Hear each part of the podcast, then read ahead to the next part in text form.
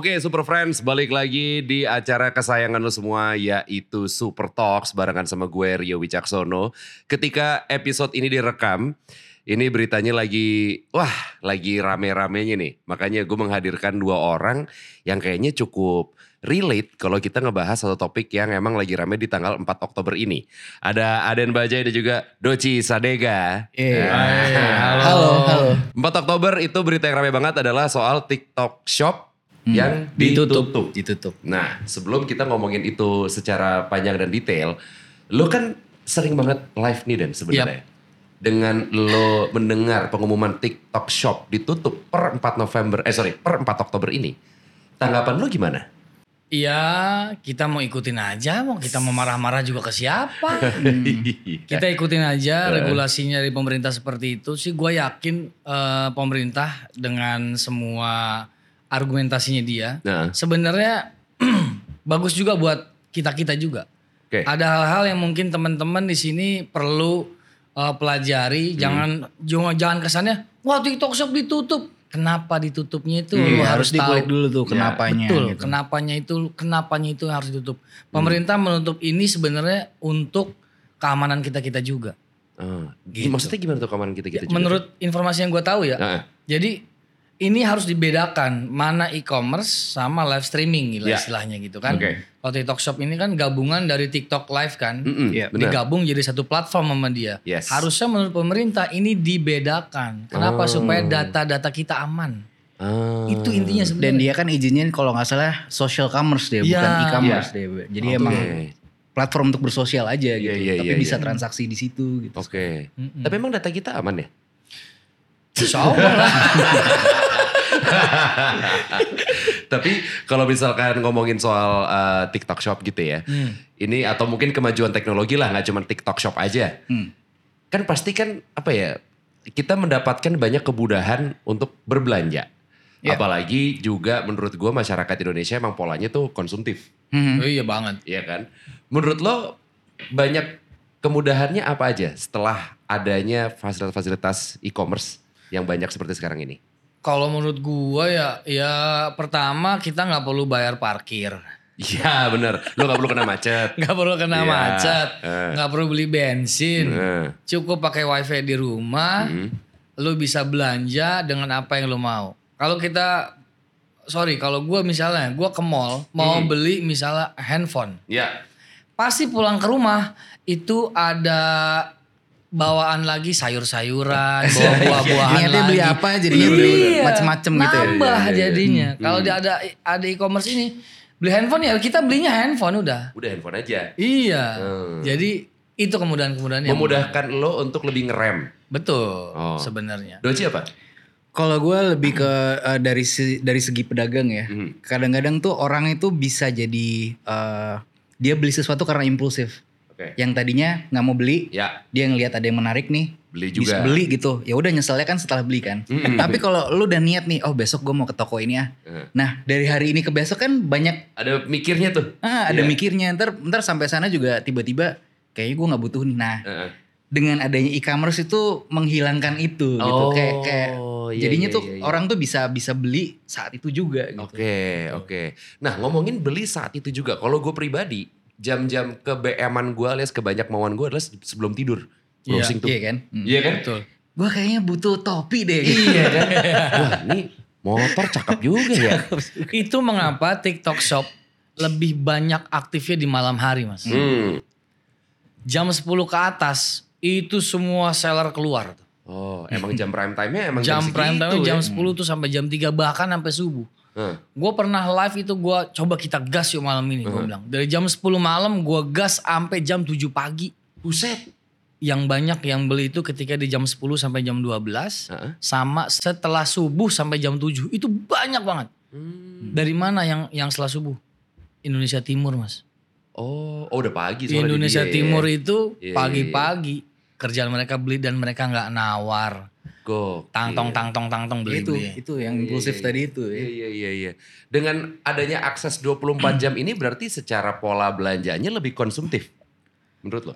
Ya bisa dibilang kayak gitu sih. Hmm. Kalau gua eh, ada ada satu faktor lagi yang akhirnya eh, mempengaruhi penjualan offline gua justru. Ya.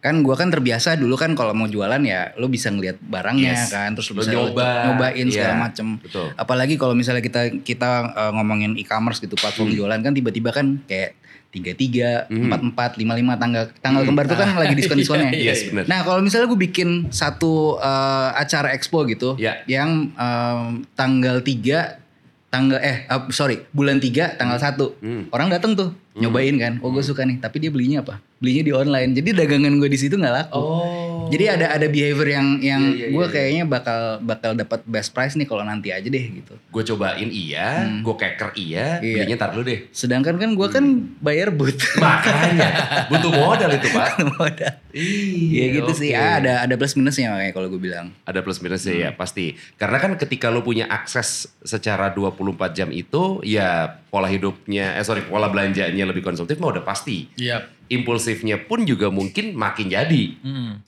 Tapi ketika misalnya kayak tadi Doci yang emang lo offline gitu, ya faktor yang lo pikirin juga pun banyak kan. Kayak tadi lo bayar sewa, karyawan juga mungkin. Yes.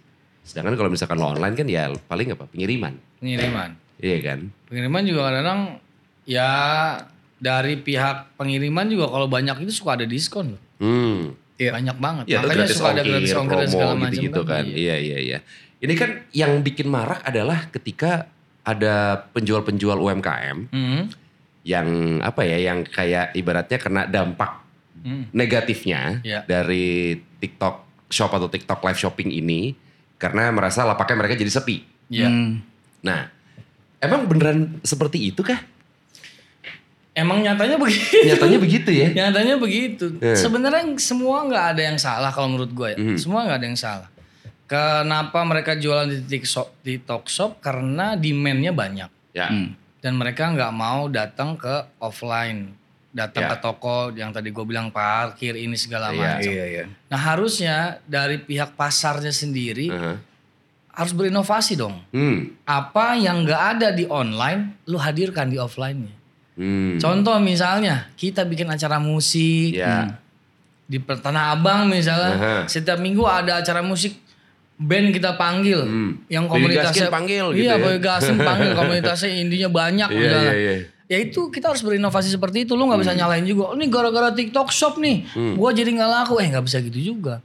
Rezeki udah ada yang ngatur sebenarnya. Cuman bagaimana cara lu eh, menjalankan ikhtiar lu supaya rezeki lu datang ke lu kan gitu. Iya, iya. harus iya. punya inovasi sebenarnya. Jadi Nah. gue sebagai seller juga, Hmm. gue berpikir kalau ada, ada yang sering komen di gue ketika gue live, gara-gara lu nih dagangan di teman-teman kita yang itu jadi nggak laku. Lah, gue bilang bukan gara-gara gue. Iya. Salahin coba diri lu sendiri. Kenapa lu nggak bisa jual seperti yang gue jual kan Betul. gitu. Iya, iya, iya. Benar. Jadi banyak orang yang mikir gara-gara lu enggak dong. Hmm. Harusnya melihatnya kenapa dia bisa begitu kok gue nggak bisa. Iya. nah Gitu. dipelajari ya Iya, Pelajari gitu.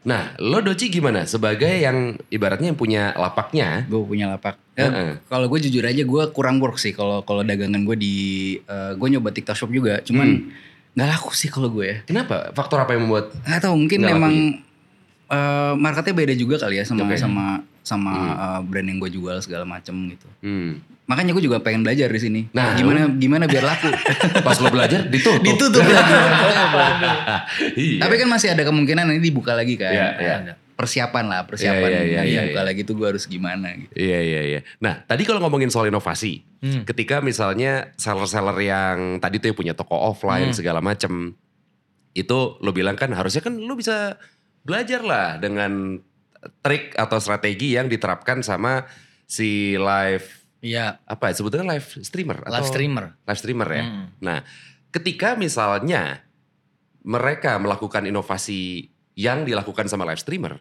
apakah mereka mendapatkan peruntungan yang bisa sama atau bahkan lebih besar menurut lo? Oh bisa. Hmm. Gue pernah ngomong gini waktu di live gue. Coba misalnya satu buah pasar Tanah Abang seluruhnya. Gabung jadi satu. Lu panggil artis yang paling banyak viewersnya. Heeh. Lu bikin sebuah acara di sana. Heeh. Tapi lu bikin live di atas panggung.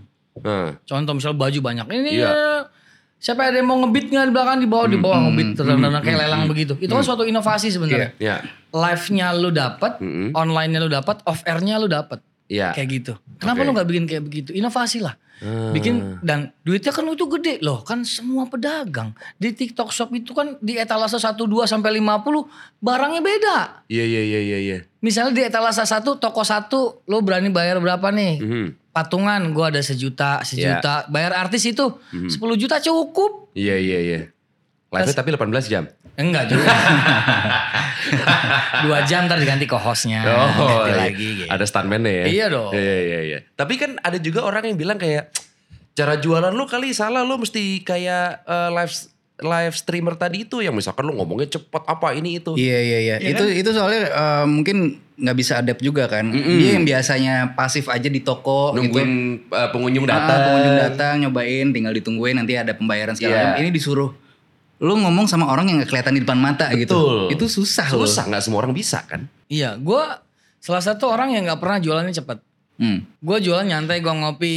Teman-teman dari mana nih asalnya? Gue tanya dulu, mereka jawab. Oh, Purwokerto, nada- nadanya Bang." segini nih lo ya? Segini gue nadanya. Oke. Gak pernah, "Oh, teman-teman dulu. Enggak, Enggak ya, gue ya? nyantai, gue ngopi. Udah ngopi belum? Udah ngopi. Oke kita mulai jualan ya, boleh? Kalau ketik mau, ketik mau nih. Mau, mau, mau, mau. Kita Oh. mulai ya. Hmm. Kalau kita mulai ketik gas, gas, gas, gas, gas, gas. Oke kita mulai. Oh. Satu-satu detail. Nyantai nggak yang gerubuk, gerubuk, gerubuk.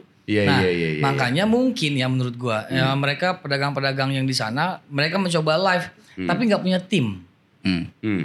Nah tim itu yang ngebantu, ngebantu share, Hmm. ngebantu masuk akhirnya komen dulu. Dia yang komen teman-teman kita sendiri padahal, Hmm. tapi itu memicu yang lain untuk komen. Iya Akhirnya. iya iya. Oke. Gitu. Makanya gue bilang coba deh berinovasi deh. Iya iya iya. Lu iya. bentuk tim, ada yang komen juga, Hmm. ada yang share sharein, share ini ke sini ke sini ke sini. Kan kita pedagang-pedagang pasti punya lah nomor telepon nomor telepon penjual, Iya. nomor betul. telepon telepon eh, apa seller-seller dia di bawahnya. Hmm. Ya lu share ke nomor-nomor mereka. Hmm. Hmm. Coba kayak begitu gitu. Iya iya iya. Jangan nyala-nyalain walaupun gue juga ya suka sedih juga ya Hmm. kalau ngelihat teman-teman gue di kalangan teman-teman kita ya di kalangan artis-artis itu suka ngejembreng harga yang mereka dapatkan. Budget yang mereka dapatkan suka dijembreng di belakang. Gua dapat Berapa 5 miliar. Nah. Gua dapat 50 miliar. Wah gila edan gue. Itu kan yang bikin sebel kayaknya ya. Iya. Itu. Jadi ada kesenjangan kan. Iya, gua aja yang lihatnya sebel. Iya iya iya iya. Ih, padahal coba itu nggak ada. TikTok Shop tuh Ada mayem ya? Ada mayem. Dari 2021 loh TikTok Shop itu ada di Indonesia. Iya, Baru gambar-gambarnya sekarang gara-gara apa? Itu keluar tuh angka-angka 50 juta, Iya, benar. 5 miliar, 5 miliar. Aduh, gue bilang. Tapi katakanlah tadi misalkan 5M. Hmm. Digembar-gemorin. Emang dia dapat Enggak. Kagak. berapa sih? Tanya gue berani jamin dah. Kagak dapat 5 M dia. 10 persen? 10 sampai 30 persen. 30 persen juga itu udah eksklusif barangnya cuma itu doang yang boleh dijual. Tapi 30 persen dari 5M mah. Lumayan Mantap ya. juga, Tapi tetap aja ada juga. ada potongan yang lainnya. Oh, lainnya iya juga sih. kan. Tapi untuk dapat 5 M itu berapa aja mas? Iya. Berapa jam sih? Lah ada yang sampai 24 jam, 16 jam. ada yang 5 hari lu live mulu. Ya ya gimana? Ya gitu. Gue pernah ada kerja ya kayak live shopping juga jatuhnya sama sebuah brand lah, marketplace. Sejam doang, capek pak. Ya iya. Gila. Padahal lu. udah biasa ngomong tuh ya Ih, setiap hari. makanya ya. gue orang yang bekerja di dunia broadcasting ibaratnya. Hmm. Ngomong mah udah tiap hari. Capek gue. Masih capek juga. Ini 24 jam. Wah Iya. gila sih. Makanya gila, di talk shop ya kalau belanja, wah ada teman-teman itu cek kota. Wih, Ya. gila gak napas lu. Asli. Habis itu dia diinpus deh. Minimal tangannya di bawah disuntik vitamin C. Lagi gini nih. Gila, Iya, cepet di banget. Iya, Nah tadi kan Doci bilang kalau misalkan lo jualan offline. Tadi kan lo bilang mungkin ada eh, orang yang gak terbiasa juga dengan ngomong di depan layar segala macem. Dan lo gak bisa ngebaca konsumen lo. Ketika orang datang kan lo mungkin kayak oh nih karakternya gini nih. Kayaknya bisa gua up topi gua nih. Sepatu gua nih gitu. Lo bisa ngeliat karakter orangnya gitu. Iya iya.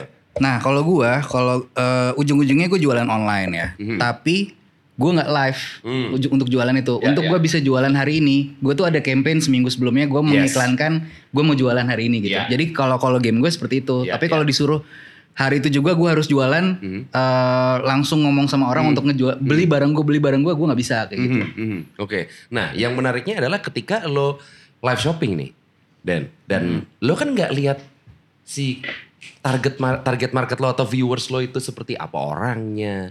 Ada. Oh kelihatan. Ada ya? kan ada di foto profilnya dia. Oh iya foto by foto. Oh, Fotonya tapi by dia. foto kan. Iya, lo nggak bisa melihat kayak dia backgroundnya apa. Oh, kayaknya Doci sukanya baju yang hitam-hitam nih misalnya. Makanya kita butuh tim itu bang, gue bilang. Iya. oh. Kita butuh tim yang misalnya dong, ada yang komen gue, bang, lu punya barang yang paling luxury nggak yang paling mahal? Tim gue tuh langsung siapa yang ngomong itu diklik, dilihat profilnya dia. Oh iya di barang-barang mewah nih. Ambil kasih kasih. Ini barang mewah nih Sultan Sultan Sultan. Gitu. Langsung nih Keluhnya barang-barang dari, yang luxury. dari tim gue tuh Sultan Sultan. Hajar gue ambil nih, gue jembrengin detail. Bang ini bang, ntar dulu, ini dulu. Gue tahu ini orang bakalan beli. Makanya iya, butuh iya. tim gue bilang. Gak mungkin kerja sendiri Lu lah ya. jangan sendiri. Iya, iya, iya, Kita iya. butuh tim. Lo ada pengalaman lucu sama customer lo ketika lagi live shopping? Dan Gua sebenarnya jarang pakai keranjang kuning ya. Oke. Gue banyak kan nggak pakai keranjang. Itu kenapa?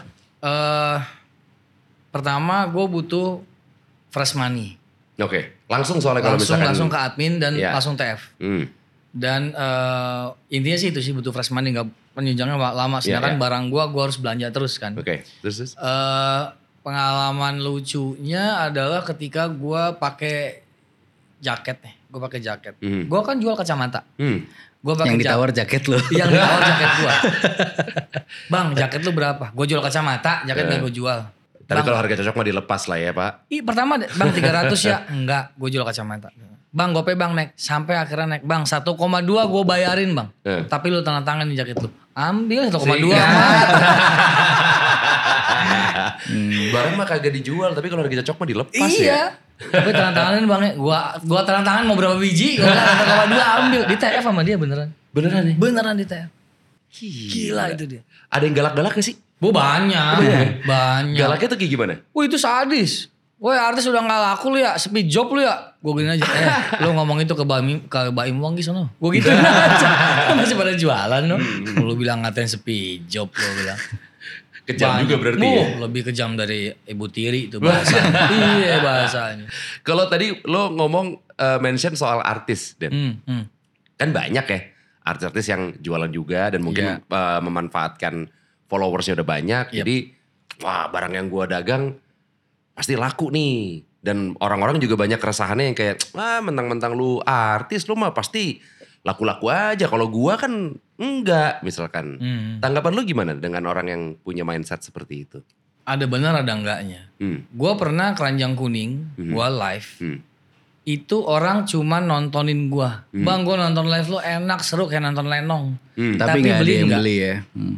Tapi beli nggak makanya kita harus pinter-pinter tuh kalau di live shop itu ada waktunya serius ada Ya. waktunya bercanda Ya. nah kenapa yang itu artis itu gila yang menonton barangnya juga dilihat juga sih Hmm. kadangkala barang-barang yang nyampe ke kalangan artis-artis barang-barang bagus-bagus emang Hmm. yang sesuai kebutuhan Ya. yang sesuai dengan keinginan Ya. sedangkan mereka-mereka yang jualan misalnya gue jualan korek nih Hmm. banyak berapa orang sih yang butuh korek Hmm. Sedangkan yang artis-artis itu dapat barang yang mereka butuhkan, skincare yang Hmm. orang butuhin. Orang Iya, kan iya. ngeliat, gue pakai lo skincare, eh dia pakai skincare tuh jadi begitu Mulus tuh. ya. Akhirnya gue pakai. Nah itu tuh kelebihannya kalau gue bilang. Oh. Harusnya para seller itu, para eh, pedagang-pedagang itu harus tahu apa yang dibutuhkan oleh market. Hmm. Juallah itu, makanya laku pasti. Oh, lo fenomena ini gimana Doci ngeliatnya? Maksudnya banyak artis yang akhirnya ikutan jualan. Ya kalau gue bilang sih itu eh, ini juga ya memanfaatkan momentum juga. Iya, betul. Mungkin banyak yang tahu gue, Hmm. gue jualan gitu. Tapi tetap aja kalau dia jualan tapi dia nggak ngerti produknya dan dia nggak bisa ngejualnya juga bisa. Hmm. Beda juga sama orang yang bukan siapa-siapa tapi jago jualan itu juga banyak. Hmm. Dan laku-laku Dan juga. laku-laku juga gitu. Hmm. Jadi kan kuncinya adalah gimana lo bisa ngejual gitu. Ya. Seni marketingnya itu Ya, yang lo harus punya. Dan nggak ada pakemnya, lo nggak mesti ngomong cepat gitu kan nggak harus. Enggak, Terserah lo mau jaga gaya jualannya gimana kan sebenarnya kan ya. Gue itu kalau live aja dari 100%, 70% bercanda gue. Oh. 70% bercanda. Misalnya gua jual kacamata di harga 300 sampai 500 ribu. Ada nanya, "Bang, ada nggak kacamata lu yang 50 ribuan?" Hmm. Ada. Gua bikin kacamata dari kardus. gua pakai nih 50 ribu Gocap nih. cepetan di SS lo kirim ke mimin gua sekarang juga. Jadi ketawa gitu, gitu. Jadi rata-rata dari misalnya viewers gua 800. Eh. Paling 100 orang yang beli. Sisanya emang seneng dengan live gua. Iya iya iya iya. Nah mungkin kelebihan-kelebihan itu yang harus dicari sama Hmm. uh, host-host Iya. stra- live Setiap streamer. orang harus Live punya selanya lah ya. Harus punya, karakter. unique selling point-nya lah ibaratnya ya. betul. Di mana Oke. karakter lo bagusnya di mana itu yang dibeli digenjot lagi. Hmm. Ngomong-ngomong lagi soal TikTok Shop ini. Hmm. Kan katanya ada yang bilang algoritma TikTok Shop tuh mempelajari produk-produk yang yang sering dicari pembeli tadi seperti lo bilang, lo kalau misalkan jualan emang produk yang dicari sama pembeli Hmm. Cari, gitu iya. kan. Terus ada yang ngiklanin produk-produk eh, buatan Cina yang harganya jauh lebih murah, Lebih murah. Hmm. dibandingin produk-produk UMKM lokal Indonesia gitu. Hmm. Ini tanggapan lo apakah ini menjadi salah satu trigger sepinya atau teriak-teriaknya tadi UMKM yang kena dampak ini negatif ini? Ya mungkin juga ya, Hmm. banyak barang-barang dari luar yang datang ke kita dengan harga yang sangat murah. Hmm. Itu bahaya. Sebenarnya bukan salahnya kita, ya harusnya pemerintah yang ikut campur di situ Iya. ya, Oke. yang bisa menahan. Makanya kan akhirnya keluar kan 100 dolar minimal harganya yang dari luar masuk ke dalam Iya, apa kayak iya. gimana tuh kemarin tuh seperti itu. Nah itu regulasi seperti itu harusnya pemerintah ikut campur tuh, Hmm. sehingga UMKM kita tetap uh, bisa berdiri. Yes. Atau misalnya UMKM UMKM kita itu tadi yang gue bilang, bikin kan mereka punya wadah sebenarnya. Hmm. Panggil satu artis untuk nge-live-in barangnya mereka. Hmm. Kan sama istilahnya. Ya. Kalau kalian bilang gara-gara artis dagangan gue, ya lu hire artis itu. Hmm. Bisa dinego kok harganya. Iya, ya ride, ride- riding the wave aja. Ya, Ketika iya. emang lagi trennya seperti itu, ya udah, Iya, jangan lawan ibaratnya gitu kali ya. Lo gimana Doci tanggapannya Eh, tadi? tapi itu bisa dibilang gini gak sih? Jadi komoditinya itu sebenarnya data, Hmm. bukan bukan barang. Jadi si Iya. TikTok itu dia ngebaca kan, oke barang yang laku tuh asbak, Mm-mm. eh, rock apa korek, Mm-mm. max segala macam mic gitu. Tapi kalau di Indonesia kan harganya kan sekian gitu. Mm-mm. Mm. Nah data itu tuh dipakai untuk eh, perusahaan-perusahaan besar yang emang udah punya apa ya, udah kerja sama sama TikTok Mm-mm. nyari data itu gitu. Oh, iya, Akhirnya iya, iya. diiklankan yang yang murah-murah yang dari Iya. negeri orang ini gitu. Aha, aha. Itu iya gak sih kayak gitu gak sih? Iya, mungkin bisa juga seperti itu. Tapi gue selalu bilang gini nih ke ke ke viewers gue, Hmm. teman-teman, ada harga, ada kualitas. Gue selalu Iya, bilang betul. itu. Hmm. Kalau UMKM kita harga mahal, pasti kualitasnya bagus tuh sebenarnya. Hmm. Kalau lu demen barang yang murah, emang ada. Tapi Hmm. cuman berapa kali lu bakal hancur. Iya benar. Itu mungkin yang harus lebih digembor-gemborin tuh. Hmm. Misalnya si pihak nih A, artis A misalnya mempromosikan barang-barang dari Cina yang harganya murah. Hmm. Ini dari UMKM nih, artis B Hmm. dengan harga-harga yang beda. Lu tinggal mainin aja. Hmm. Eh, lu mau yang murah tapi besok jebol. Nih gue punya yang lebih bagus dengan Iya. kualitas yang bagus. Ingat ada harga, ada kualitas. Semua orang di dunia tahu ada harga, ada kualitas itu semua orang tahu. Tinggal gimana caranya itu mendeliver ke penonton aja. Iya, iya. Nyampe mereka akan beli yang UMKM bukan yang dari sana. Aha. Pasti itu. Iya iya iya iya. Nah ngomongin produk, kan ya produk lokal sama sekarang keren-keren. Keren. Banyak banget brand lokal yang dijual di website atau bahkan toko internasional. Hmm. Ada brand lokal juga yang collab sama brand internasional Ya, juga betul. gitu kan. Udah udah banyak lah sekarang yang kayak gitu. Nah, berarti kan secara daya saing nih brand lokal juga sebenarnya nggak kalah ya Hmm. sama brand luar ya. Hmm, Bisa disejajarkan lah ibaratnya gitu. Iya. Tapi kalau misalkan kita lihat secara objektifnya, menurut lo kekurangan yang masih ada di brand lokal, menurut lo apa Doci? Dari vendornya kali ya. Hmm. Harganya kalah bersaing sama yang Ah, Oke. di luar kali ya. Ya karena kan kalau Ya, kalau ya, di luar ya lu bisa beli lu bisa bikin satu barang dengan harga yang murah banget tapi kuantitinya lu harus banyak, Yes, harus ribuan gitu. Iya, Kalau di sini kan ya lu bisa lu gue bisa segini Mhm. eh gue nggak bisa semurah itu cuman lu bisa bikin 12 doang loh gitu. Loh. Jadi itu yang akhirnya kalah karena ya balik lagi kita kan kelasnya juga home industry gitu kan. Iya. UMKM itu kan home industry. Ya, ya. Ya Oke. kalahnya sama yang industri besar yang Iya, bisa iya, iya, iya. Yang pemain besarnya lah ibaratnya Mm-mm. gitu ya. Kalau lu gimana Den tanggapannya Den? Ya gue setuju sih sama Dolce. Maksudnya Hmm. emang mereka yang luar sana main kuantiti. Hmm. Sebenarnya kita main kualitas. Hmm. Tinggal bagaimana kita ya balik lagi yang gue bilang mendelivery itu ke penonton. Hmm. Lu mau main kuantiti banyak, oke lu dapat harga murah tapi besok jebol. Hmm. Lu punya gua harganya kualitasnya bagus selamanya akan ada. Hmm. Gue punya jaminan misalnya satu tahun nih barang rusak gue balikin misalnya. Hmm. Hmm. Yang yang jaminan itu nggak pernah ada Iya, iya, iya. di iya. barang yang lain. Hmm. Gue sering beli belanja dari luar, sering gua dari online ya belanja. Hmm. Pas nyampe di sini, ya Allah tuh barangnya jelek banget. Oh. Sama gue beli barang misalnya ini jaket, Ya. ini Bandung punya lokal, Hmm. bagus bang. Hmm. kualitasnya bagus, Iya, nyaman, iya. enak dipakai. Cuman apa?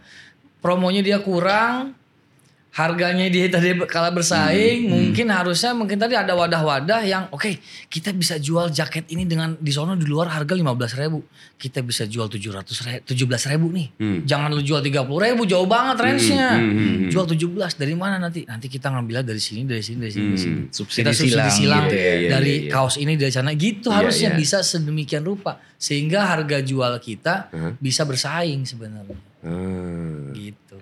Kan banyak juga orang sekarang kan emang belanjanya ya lewat ketika ngomongin belanja top of mindnya mungkin TikTok Shop gitu Yap. yang per tanggal hari ini jam, Jam lima. sore? Jam lima. jam 5 sore Ini jam 5 semuanya babay ini. Tetep tetep mati semua udah. yoi ditutup kan nih kan Berarti fitur TikTok Shop-nya udah nggak ada sama sekali ya? Nggak ada. nggak bisa diakses gitu bisa ya Nggak bisa. Orang live dengan keranjang kuning, affiliate nggak ada. Bisa. Hmm. Tapi masih bisa live ya sebagai Live normal bisa. Oke. Sebagai orang yang aktif dan juga lo sebagai customer juga, lo berbelanja juga, Hmm. apakah yang dilakukan sama pihak berwenang dengan menutup TikTok Shop ini sudah benarkah? Waduh, kalau ini terlalu berat gue ini perspektif pribadi lo Iya, aja. kalau menurut gue sih, kalau gue orang yang patuh sebenarnya sama pemerintah. Hmm. Mereka punya pemikiran-pemikiran sendiri. Pasti kan di belakang eh, Menteri Perdagangan ini ada orang-orang pintar Ya. lah, yang yang mengasih nasihat. Pak ini tuh begini loh Pak. Kalau ini kita lanjutin pasti begini. Akhirnya mengkerucut adalah sebuah keputusan itu. Yes.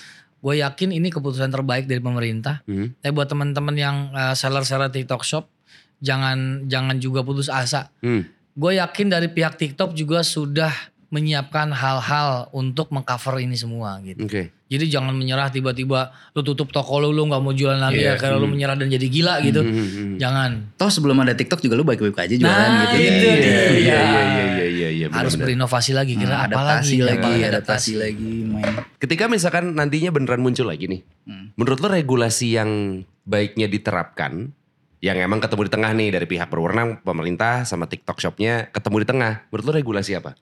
Kayak gue rasa nggak ada yang berubah deh. Sekarang kan yang masalah kan cuma masalah legalitas doang. Ya. Izin izinnya apa tapi Ya. dia melakukan yang hal yang lain Betul. gitu kan. Hmm, hmm. Tapi begitu udah ada eh, udah mengantongi izinnya, oh gue juga bisa jualan di sini. Hmm. Yang ada berubah sih kalau menurut gue gitu. Iya ya dan Iya. beres juga akhirnya kan karena yang di lo yang lo debatin udah ada solusinya nih berarti gitu ya. Iya. Lo gimana Den? Juga Kurang lebih begitu.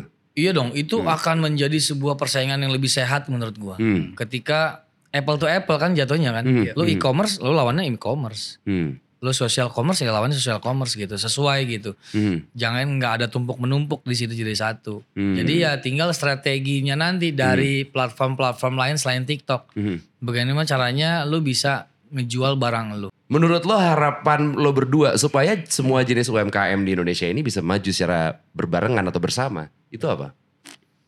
Iya, harus ngelihat pangsa pasar pertama. Hmm. Apa yang diingini oleh masyarakat. Hmm. Contoh sekarang kita platform medsos sudah banyak banget. Banyak banget. Ba- Dikit-dikit untuk bikin viral itu mudah Iya. sebenarnya. Bikin hal itu. Hmm. Bikin video-video yang akhirnya jadi viral. Contoh di toko lu, lu jualan cuman misalnya lipstick. Hmm. Tapi gimana caranya gue bikin lipstick sehingga seluruh Indonesia tahu nih lipstick viral nih. Hmm. Akhirnya mereka akan beli ke toko gua. Oke. Sekarang kan dunia udah medsos banget kan. Lu jualan, iya lu jualan pacul misalnya. Lu pacul siapa yang mau beli nih. Tapi dari pacul itu gue bikin apa? Gagangnya, gagang ada gambar naganya misalnya. Nah. Terus lu bikin video yang lucu gara-gara naga Tutorial itu. cara pakai pacul Nah, misalnya. Nah. gara-gara naga itu orang lihat naga bener padahal itu pacul. Akhirnya pacul itu dibeli karena viral. Nah coba buat-buat inovasi kayak begitu tuh. Iya, iya, iya, Ya jangan cuman bisanya nunggu toko diem barang seadanya ini mau syukur nggak mau ya udah jangan. Terus dengan kayak jadinya framingnya ya kan gue emang nggak bisa ngedit, gue nggak ngerti sosmed ya. Ya bergaul lah. Nah, itu. Semua orang awalnya nggak bisa. Iya, benar. Iya, Jadi iya, bisa. Iya, iya, benar.